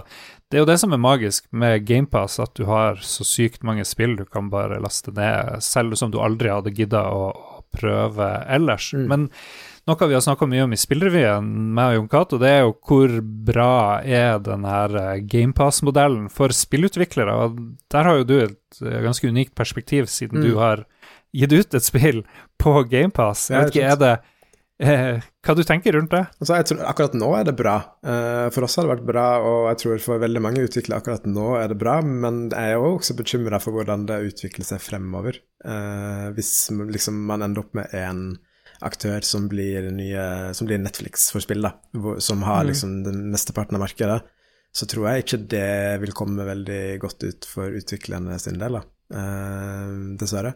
For det blir jo gjerne sånn Ja. at man, man mister litt sånn Altså for spillere så, så glemmer man at de spillene man spiller, har kosta mange, mange millioner, og uh, at det, de har en verdi, da, fordi man får alt gratis. Men det er jo samme på Netflix og, og sånn også, ikke sant. Mm. Um, Ja. Så for, for oss som lager spill, så er det litt, litt skummelt at man kom, antageligvis da går over i en verden eh, om noen år hvor, hvor eh, ingen egentlig kjøper spill lenger og bare forventer at man skal få alt eh, gratis. Så det, det blir spennende Ja. å se hvordan det utvikler seg. Men jeg tror nok det går den veien. Men det som er fint nå, er at man har alt. Man har alle mulighetene. Det er så stor bredde i plattformer og betalingsmodeller, og, så nå kan liksom alle utviklere klare å finne liksom sin, sin, sitt sted og sin greie, og det er liksom det, jeg tror det er veldig positivt for alle utviklerne nå, men eh, jeg, ja, jeg er spent på hvordan det utvikler seg videre. Ja, det er litt endring på gang i, i spillmarkedet. Plutselig så er det sånn, hvis du ikke er, er i en av de der eh, modellene der, så får folk så nok fra de andre kildene, Mm. som, hvor de betaler en engangssum i måneden, så er det vanskelig å, å slippe inn. Så det, Og så har de jo det kan jo være en skummel greie. Du har jo også Epic Games som eh, lager eks... Altså, de, de kjøper på en måte til seg eks, eksklusive titler med å, med å bare love masse penger til en utvikler, men det er jo òg en, en modell som er ganske ny, som sikkert Mm. eh, Det er sikkert veldig kjekt for de som blir havner under paraplyen og beskyttelsen til, til de store aktørene, vil jeg tro. Det er jo stort sett sikkert bare fordeler for, for utviklerne. Ja, stort sett, men det er jo klart også, sånn som eh, vi, vi Jeg kan ikke si så mye om detaljene i avtalene våre, men, men man Det er jo en helt annen eh, betalingsmodell da, når spilleren eh, Når du er på en sånn en abonnementsløsning og ikke kjøper Mm. spillene, så liksom den man får jo en mye sikrere liksom, eh, inntjening, men, men eh, potensialet sånn økonomisk er jo noe lavere enn om man skulle fått det samme antall spillere selvfølgelig til å kjøpe spillet. Eh, så Mm. Ja. det er jo en balansegang der. eh, og det Ja. Ja. Det var- Er det noe, kan du si noe om det har noe å si hvor mange ganger spillet ditt blir lasta ned? Har det noe å si? jeg har ikke lov til å si Jeg har ikke lov til å si noe om sånne ting. Altså, Åh, Ah, kjedelig. Journalisten ja, Lars graver til det sier ting. Ja, ja. Har ikke noe å tape på det. Nå når du truffet kista, Lars. Må bare finne nøkkelen. Nei, men jeg, jeg syns det er spennende. Jeg, det, er litt sånn, det føles veldig dynamisk nå, spillmarkedet, med hvor mange, altså hvor, hvor mange måter du har på å skaffe deg et spill, fra å leie det til å kjøpe det, til å få det på Mm. en sånn GamePass-greie. Så det, ja Vi får se hvor, hvordan det går videre, men jeg håper det jo det går bra for utviklerne. Sånn at vi får masse spill. Jeg tror spill. så lenge det blir mange nok eh, plattformer, da, så tror jeg det er positivt. Så lenge Mm. ikke det blir liksom én At det ikke blir Spotify, liksom.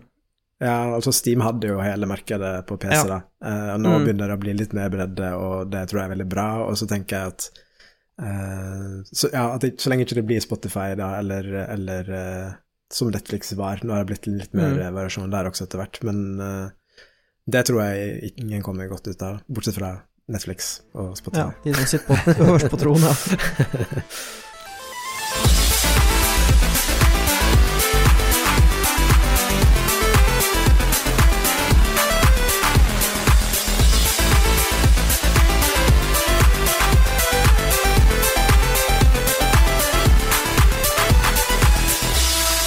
Vi skal anbefale noe. Hver uke så er det gull å vente for dere som hører på. Vi, vi tenker veldig lenge. Vi går gjerne i uker og månedsvis for å finne fantastiske ting som vil berike og, og hjelpe våre lyttere på ulike vis. Ja. Og Mats, du har en skikkelig godbit denne gangen.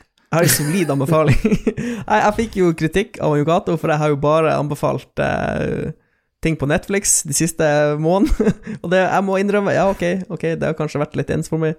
Så nå vil jeg gjerne anbefale en app, Oi. en app på telefonen din, som kommer til å gjøre livet ditt rettere. Og det er Nice. faktisk en pandemivennlig app. Eh, det er intet mindre enn appen til eh, Coop. Den heter Coop Medlem.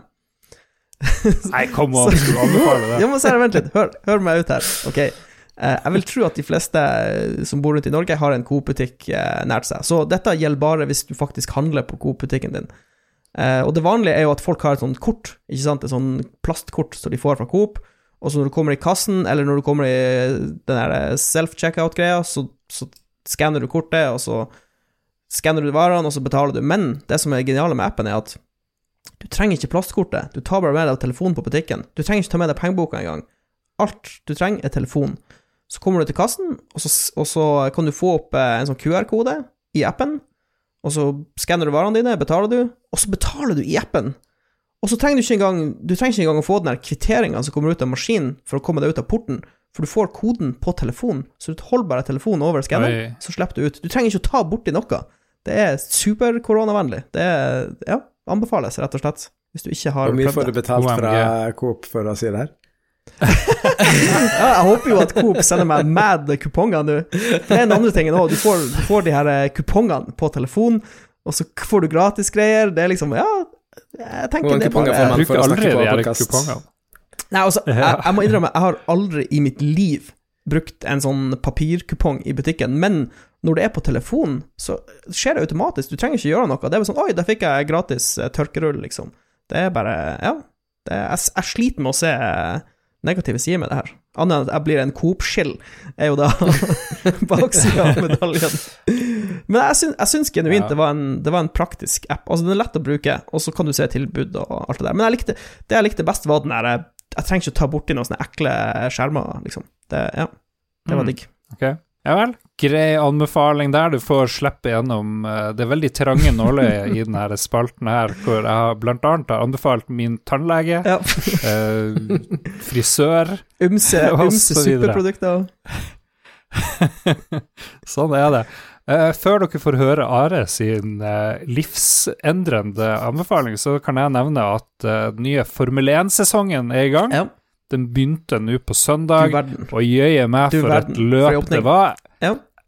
For en åpning. Og det er jo nå på Netflix noe som heter Drive to Survive, tre sesonger der, hvor man kan få litt sånn kortversjon av Formel 1. Og det er like greit for de forrige to, eh, eller forrige tre sesonger. Det har jo ikke vært det har vært mye spennende, så, så de gjør veldig god jobb med å liksom finne de spennende tingene og de gode historiene.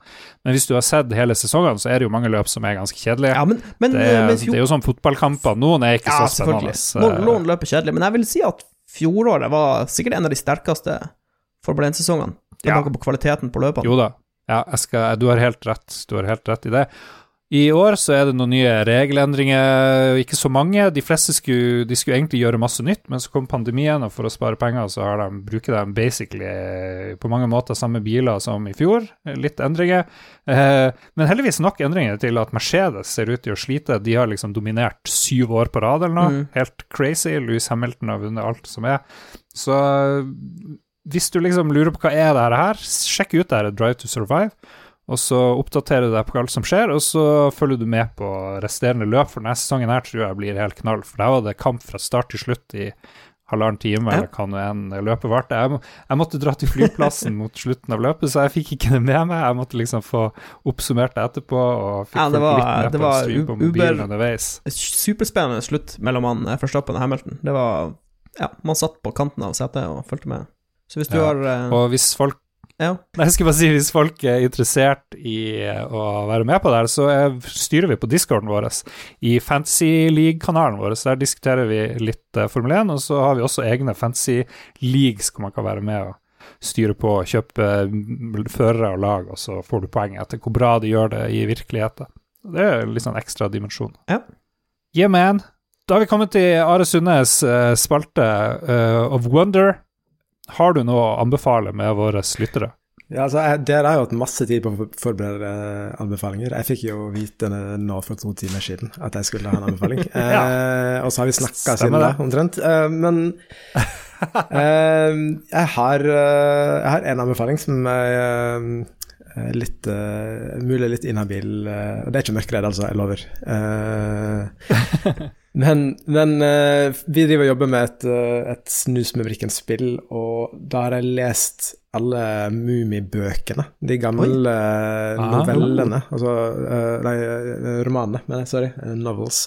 Um, og det er utrolig Altså, alle må lese de bøkene. Og da mener ikke jeg alle med barn, altså. altså voksne folk må lese de, de bøkene. Det er utrolig kule og ganske mørke. og det er ganske dyste greier, og eh, ganske mye eh, humor som, som eh, definitivt ikke man vanligvis har for barn i dag. Um, så det, det vil jeg anbefale å teste ut. Uh, og så tipper jeg at noen har anbefalt GamePass tidligere.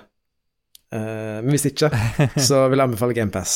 Uh, det, jeg spiller jo som nevnt mye med, med sønnen min, og det er så mye bra spill og barne, barnevennlige, familievennlige spill også eh, på GamePass. Så Jeg tenker de, er, eh, de som er De barna nå som vokser opp med GamePass, de er, de er litt bortskjemt. Jeg. Jeg husker når vi var små, så var det jo liksom luksus å få ett nytt spill. Det var jo, Jeg husker jeg hadde Gameboy. Det var jo Et helt spill!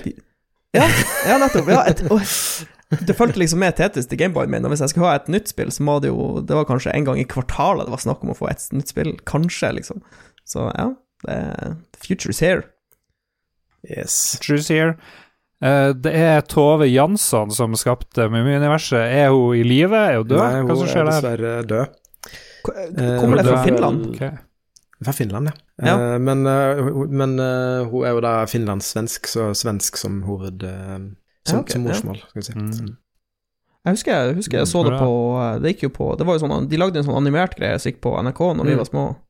Det stemmer. Så er vel, Den er det er japansk, på bøkene. eh, japansk eh, animasjon, faktisk. Ja, stemmer, stemmer. Den som vi er vokst opp med. Og så er det en ny serie nå, som den en 3D-animasjon, som kom eh, for et par år siden. Eh, som et, eh, ikke er like kul, syns jeg, men eh, den er, den er, den er grei. Ok. Ja. Ja. Kule anbefalinger der. Du er vel inhabil i begge, egentlig? Både Ja, på GamePass Ja, bare, det, alt, jeg, alt jeg sier, er, er liksom uh, promoterer våre egne ting. Sorry. Det, det er Ja, ikke vi liker, vi liker sellouts. Det Ja. Ja, ja. Jeg snakker i hvert fall ikke om Coop Ja, Mega. har- Eh, det kunne vært verre. Touché, Touché. my brother. ja, ja. Eh, Nå fikk jeg lyst til å snakke mer om uh, Coop etter men vi, vi setter strek for den.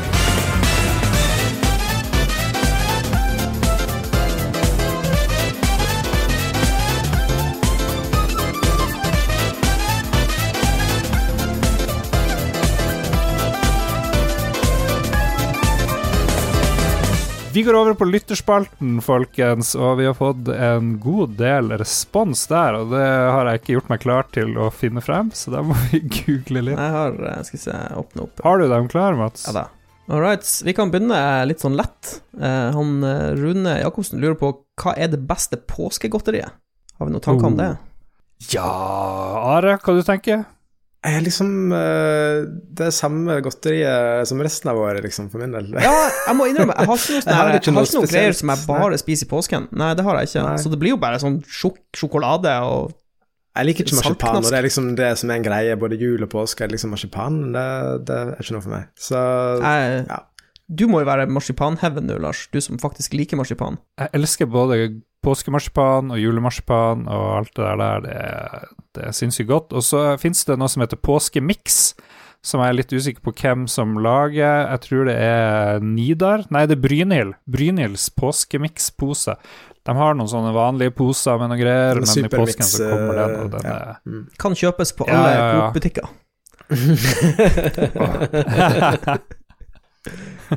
Så det, det må jeg okay, si er ja. veldig, Nei, veldig men godt. Lars tar, Men, eh, men påskemarsipan Bra. Ja, påskemarsipan og påskemiks er åpenbart det store. Og så hørte jeg at uh, hun uh, Harstads største kjendis, uh, Sofie Elise Isaksen, tidligere blogger, nå jeg vet ikke helt hva hun styrer på med, hun er på krigsstien fordi påskeeggene fra Freia, hvor nå enn det er fra, Ja. har fremdeles palmeolje. 30 palmeolje. Oh, ja. Mm, Jeg syns det er pussig. ja. Hvorfor ikke Altså, i 2021 Man må jo Mm. man, Det her er jo Altså, at de ikke klarer å finne på noe annet, liksom. Som uh, At de står ved det her uh, palmeoljegreia, selv om de gir det så mye ja. eh, dårlig PR uh, så mange år. Jeg skjønner ikke det. Nei, de er, Det betyr vel at mange nok kjøper det uansett, Ja. og gir litt faen. Ja. ja, det er kanskje Ja. det det heller forteller mer om, forbrukerne og kjøpemønstrene. Jeg var ikke klar over det. Og så sier Bjørn Bjelland vi må komme med en uh, Vi må stille spørsmål om spillhistorien, fordi da får vi masse svar. For vi begynte jo i forrige episode med å skulle gå gjennom spillhistorien fra 1971. 1972 frem til i dag. Og som vanlig så ryker det av uh, banen med en gang, men det er jo fordi Jon Cato er Arkitekten borte i dag. til da- spalten mangler jo, så vi kan jo ikke, Ja. kan ikke gå videre uten Så- han. Jeg hopper over det. Magnus Eide Sandstad, Mats, hva han lurer på? Han lurer på hvorfor ingen har lagd et koronaspill. Men jeg vil jo tro det er Ja. in progress. Det kommer jo garantert ut etter Man har jo covid. eh, Pandemic. Uh, er jo Nettopp. eh, Ja, nettopp. Ja, du har jo et- før korona. Ja. det, er jo, det finnes jo pandemispill. Ja. Jeg likte det på iPad, tror jeg. Spilte det Jeg spilte for mange år siden. brett, den ene brettspillvarianten, den som er sånn her eh, At du driver opp åpner sånne små pakker og driver Ja. og stryker over ting. Og, Legacy. Pandemic Legacy, Legacy. takk. Ja, Det som er litt ironisk, er at vi holder på å spille det med en gjeng, men vi har ikke kunnet spille det siste, siste gamet, liksom. På, på det er over et år siden pga. korona. Fantastisk. Eh, så det, Det var er liksom den perfekte Det- avslutninga på Det, det kunne vært en refreng i en Alanis Morissette-sang. Eh, vi hopper over Ja, det tror du Ja, Vi kommer og spørre Are, som Ja. har, har inside scoop. Er det mye koronaspill på vei? Har du fått med deg Vet du hva, vi, vi Nå skal jeg plugge Mørkredd igjen. Eh, vi har en DLC Oh, no. i Mørkeredd hvor, vi, hvor du kan bytte ut kuler med andre du, du kan bytte ut kuler med andre ting. Og da hadde vi en, en av de tingene du kunne bytte ut og trille rundt på istedenfor kula, var koronavirus, men vi fjerna det, for vi syntes det var litt sånn uh, bad taste. det ble litt for Eh, alvorlig. Det ble litt for alvorlig. Så vi var inne på tanken, altså. Veldig, det var jo da veldig tidlig, men Kan være derfor at det ikke har kommet så mye koronaspill. Jeg tror kanskje det kommer til å ta litt tid før noen tør å skulle begynne å tjene det litt penger sånn på, eh, på korona. Ja, det er too soon. Jeg tror det kommer til å være en, en god stund til. All right. Uh, Jørgen Johnsen Nyplass eh, er tilbake, eller har han vært før? Kan ikke huske Jørgen Nyplass. Tror det var Gammelplass før. Okay, nok dårlige vitser. Når vi diskuterer og sammenligner Microsoft og Sonys økosystem, GamePass versus gratisspill osv., hvorfor nevnes aldri PlayStation Now? Er ikke det en reell utfordrer til Microsofts GamePass? Tja Det er jo egentlig ikke det. Er det det, Are? Vår eh, resident expert. Jeg tror det, det er Jon Cato som skal svare på det spørsmålet der. Hvor er han, Jon Cato? Ja, Altså, eh, så vidt jeg har skjønt, så er det vel De har vel ikke liksom mye nye spill og bytter ut nye spill. Altså det er en, gammel, en katalog med gamle ting, stort sett. Uh, hvis ikke jeg misforstått helt. Ja, Ja, for det er jo det det nå som driver jeg og sjekker uh, katal katalogen. Uh... la oss ta et google-minutt, Mm. for det i vanligvis i, i Lolbua så kvalitetssikrer vi ingenting, så det her blir en first. Ja, altså PlayStation det er, jo, det er jo masse spill der, men det er jo da gjerne spill som har vært ute en god stund. Og mens uh, GamePass er jo gjerne sånn de har veldig mange lanseringstitler, og alle Microsoft sine store titler kommer jo rett ut der. Eh, så det er jo en litt annen klasse, rett og slett. Ja, altså tjen tjenestene ligner, men PlayStation Now blir outshina av GamePass, for de er flinkere å ha ferskere titler, rett og slett. Så de må, de må skjerpe Ja, og så er det jo et helt annet fokus. Ja. Det er jo et helt annet fokus på, på tjenesten, fordi når du logger inn på, på, eh, på noe PC eller, eller Xbox og kjører opp eh, GamePass, så er det jo det er jo front and center, det som er, er i GamePass-utvalget. Og hvis du går på en PlayStation og åpner den, så ser du knapt PlayStation Now, og det, det er ikke noe liste over ting, og de skryter ikke ut av det og sånt, så det er jo det er ikke et selling point. jeg er jo litt sånn. PlayStation-noob, må jeg innrømme. Det er lenge siden jeg har eh, vært der inne. Hvordan er det med det der Jeg husker du hadde jo PlayStation Pluss. Da fikk du jo noen spill gratis hver måned og sånn. Er det fortsatt en ting som skjer i, i Det fins ennå. PlayStation-verden?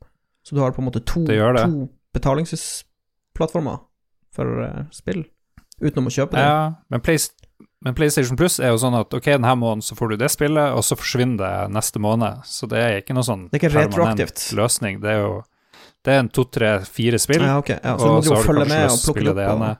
Jeg husker det var litt styr. Ja, og hvis, hvis kompisen din har funnet et veldig kult PlayStation Plus-spill, og så vil du ha det, så er det for seint, fordi du var ikke, fulgte ikke med den måneden, eksempel. Ja. Så det er jo noe helt annet. Ja. Det er det. Ja, nei, men uh, Um, det, ja, kanskje, Vi har kanskje ikke snakka så mye om PlayStation Now, så det er jo Ja, nå har vi nevnt det. Ja. nei, vi, eh, vi skal huske PlayStation Now fremover, og litt mer Jørgen. Eh, vi må Vi hopper over han Alf Inge Wang. Han eh, lurte på hvilket spill drømte vi om som ung, som nå har blitt en virkelighet? Har dere noen noe Oi. Jeg tenker det, det jeg hadde mest lyst på når jeg spilte Amiga og Gameboy og Commodore og alle de gamle med litt sånn svakere maskinvarer, var sånne store, åpne verdener så du kunne gå rundt i first person. Og det finnes jo nå. Nå har du jo Grand Theft Auto og sånn survival-spill og sånn, så det er kanskje det. Escape from Tarkov er Mm. sannsynligvis det spillet jeg drømte om da jeg var mindre, som finnes nå. Bare i større skala. Jeg hadde ikke sånne drømmer om at det her spillet her, det kunne jeg tenkt meg, og så er det liksom fra min fantasi. Jeg var mer sånn Det her liker jeg, det her vil jeg ha mer av. Eh, som sikkert mange gamere tenker. Ja. Blir skuffa når det ikke kommer en oppfølger og sånne ting. ja. Mens utviklerne vil heller kanskje lyst til å lage noe helt annet og går videre i livet. Jeg husker jeg, Jeg jeg, ikke, Are jeg, hadde, jeg spilte jo et av mine favorittspill eh, da jeg var ung, var Indiana Jones, eh, Fate of Atlantis, point and click eh, adventure-spillet. Og jeg hadde alltid lyst på liksom en oppfølger til det. Eh, og det ble jo Mm. nylig annonsert at uh, Bethesda holder på å jobbe med et eh, Indiana Jones-spill sammen med Lucas. Ja, stemmer det. Ja, ja, ja. Eh, Det er faktisk kanskje det for. spillet hvor jeg tenker at eh, min eh, det er 14 år gamle Da spilte jeg Det var det allerede gammelte spillet, da, men jeg spilte det igjen da, tror jeg. Eh, 14, 14 år gamle Are hadde blitt veldig glad for den nyheten. Ja, jeg vil ha nye pinballspill, så jeg er veldig glad at uh, Chappu blir Pinball Dreams 2. Uh, Jeg kom, jeg kom, på, jeg kom på en annen ting. Jeg husker på 90-tallet en gang så prøvde de seg med VR. De prøvde seg jo med VR for mange, lenge siden, altså, og det slo aldri helt an. Da Ja, husker jeg at liksom VR med sånn superrealistisk grafikk, det var liksom drømmen. Og det er jo kommet nummer nå mer eller mindre, så jeg må egentlig kjøpe meg et VR-headset. Det er egentlig det jeg må gjøre. Hva er det beste brettspillet på hytteturen? Og vi har allerede fått nevnt Pandemic eh, Legacy, som høres ut som en tidsriktig greie.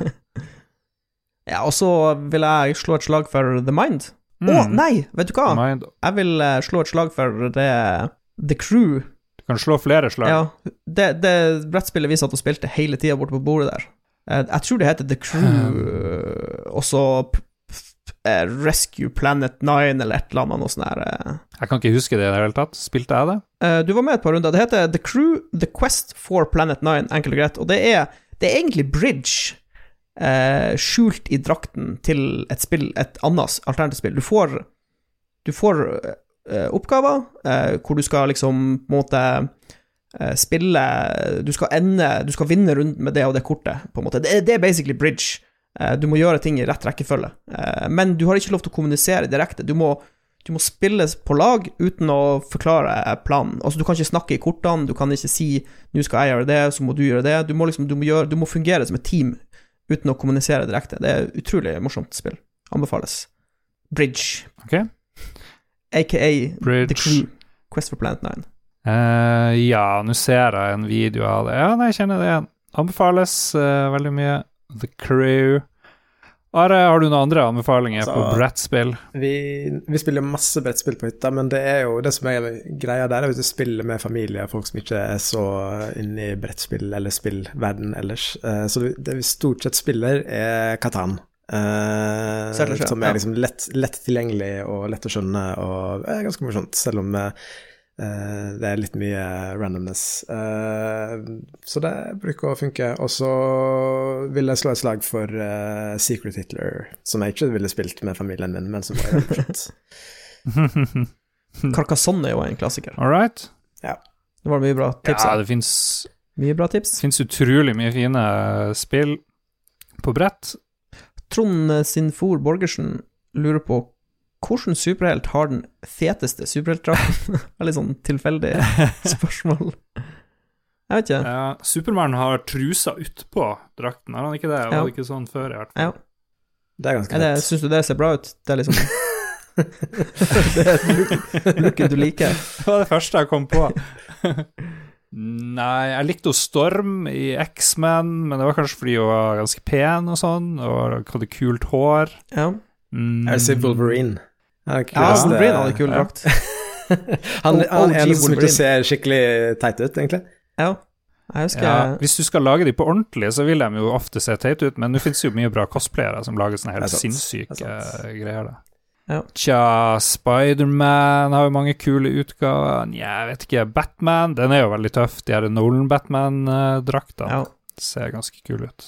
Ironman var en stor favoritt. Jeg føler man er litt bortskjemt nå, for det er så mye Det ser så visuelt bra ut, på en måte. Det var, det var bedre Ja. før, det var litt sånn kleint og det så litt trasig ut. Da var det litt vanskeligere å velge. nå er det altfor lett. Ja, jeg er litt enig.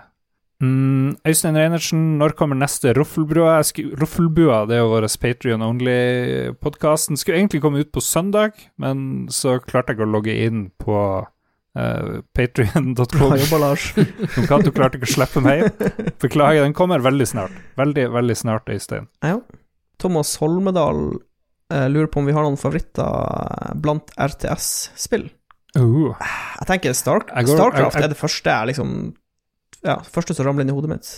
Ja, det jeg spilte mest, det var vel Dune 2. Jeg kan ikke si jeg har spilt så mye RTS Siden etter det. Command, Command Conquer er jo solid. Ja, det er jo bedre enn Dune. Jeg spilte jo det, og i Ja. Dune 2 så måtte du lage sånne Du måtte lage betong der du skulle bygge Ja, ting først. Det var ganske Det har de heldigvis gått bort fra eh, i senere, senere greier. Eh, Are, er du en RTS-mann? Nei, overhodet ikke. Uh, jeg kan ikke komme på et eneste som jeg har brukt noe særlig tid på. Nei, men det, det, er, det er uten tvil en sjanger jeg har brukt minst tid på, vil jeg tro, de siste 15 årene, liksom. Den har forsvunnet litt, rett og slett. Mm. Det lages lite RTS. Ja, det kom en sånn uh, Bungie lagde Eller noen lagde et uh, Halo RTS. Spilte det Coop med Magnus Tellefsen. Det var jo litt artig, husker Ok. jeg. Så det funka for så vidt. Husker ikke hva det heter. Mm. Tommy Isaksen, hvorfor er ikke hånddusjer mer utbredt i Norge? Han er i alle fall frelst, man sparer papir, og akterspeilet har aldri vært renere. Å ja, han snakker om sånn analrenslighet i tillegg. Ja, altså, det, det er bidé, Ja. liksom. Det er det vi snakker om. Rumpedusj. jeg vet ikke om det finnes flere eh, varianter. Du har jo noen som hvor det bare kommer opp en stråle, og så har du sikkert Når du har vært i utlandet, så ser jeg noen har bare sånn ja, dusjhode. du, du har jo sånn- superavansert toalett, Lars. Jeg har et toalett som gjør mye rart, blant annet har den spylefunksjon for både kvinnelige parts foran og analfunksjon. Hvor ofte bruker du den? Det er litt sånn random. Uh, noen ganger så føler du mer behov uh, for den, og noen ganger har du litt sånn Det er litt sånn kontakt, Noen ganger kjenner du at, ok. Så det er ikke random. Her- her det er ikke sånn at den randomly spiller sånn av og til. Det er sånn terning. så, Rull en virtuell D20. Ja, det anbefaler jeg veldig. Du sparer masse papir, som Tommy sier, og du blir jo, du blir jo ikke rein av å gni driten ut med uh, papir. Hvis du får masse bæsj på handa di, så står du ikke og gnir det bort. Du går og vasker det, ikke sant, Ja, for men å jeg, få jeg er helt det enig. helt rent. Jeg, jeg håper at uh, vi sakte, men sikkert går over til å ha sånne dusjer. Sånn bidé-aktige løsninger. Mm. Det er veien Kan jeg hoppe videre. tilbake og si en RTS? Eh, Ja. som jeg Ja. ikke har spilt, men som ser veldig kul ut. Og det er Dwarfheim, eh, som Pineleaf Ja. eh, i Trondheim jobber med. Ah. Det, da kan jeg plugge noen andre sitt spill istedenfor, men det ser Ja, ut. Det til å smart. Ja, vet du hva? Jeg kom jo plutselig på Jeg har jo spilt ganske mye Total War, eh, og det er jo på en måte et RTS. Det er jo egentlig turn-based kampanjegreier og slag i real time, så ja, vi sier Total War, da. Og Ok. til slutt så uh, har han eh, Torbjørn Praus Skau et ultimatum til oss. Uh, Gunther Steiner, det er da Has sin team principal, til de som ikke vet det, som vekkerklokke, eller frisøren til VJ Malja resten av livet. Og da må jeg google han fyren her. Uh, VJ Malja uh, var teamsjefen til Force India. Nå snakker vi Formel 1 Ah, for ja. de Ok, som det er veldig som Formel 1-spørsmål. Are melder seg ut. Eh, jeg sier eh, Gunther Steiner som vekkerklokke. Wake up, you wanker! Jeg er helt enig, jeg er helt enig. men jeg er sikker på at milliardær, milliardæren VJ Malia uh, er, jeg har ganske heftig frisør òg, men han mente frisyren, da, Ja. så det blir jo Så Det blir jo kanskje feil. Ja vel. Eh, litt Formel 1 der på slutten. Vi, vi er kommet til veis ende i ukens Lolbua. Er det noen som føler at de ikke har fått sagt noe viktig som de burde si før vi takker for oss? Nei, jeg syns det var Det ja, ikke være viktig. Jeg føler vi har Vi har gått gjennom alt. Til og med verdens beste app. Jeg føler vi vi har glemt å snakke om eh, Rema sin æ-app. Nei! vi kan ikke snakke om den. Lolbua er ikke fair and balanced, uh, hvis, hvis, det, hvis det skulle bli det av den grunn. Ja. Nei, tusen takk til uh, deg, Mats, for at du var med. Ja, bare hyggelig. Ingen respons fra det. Ja. Eh, takk til meg sjøl, Lars eh, Ricardo Olsen, og stor, stor, Stor takk, takk. til ukens eh, superreserve, Are Sundnes, som eh, er daglig leder i Hypergames. Lagde fjorårets beste norske spill, og vi fikk eh, litt inside i, i Mørkredd og hva som gikk bak der. Fikk høre den plutselige veien som voksen mann inn i spillindustrien og mye mer, så det mye god, eh, mye god innsikt eh, fra deg i dag. Tusen takk. Takk for at vi kom med. Veldig trivelig.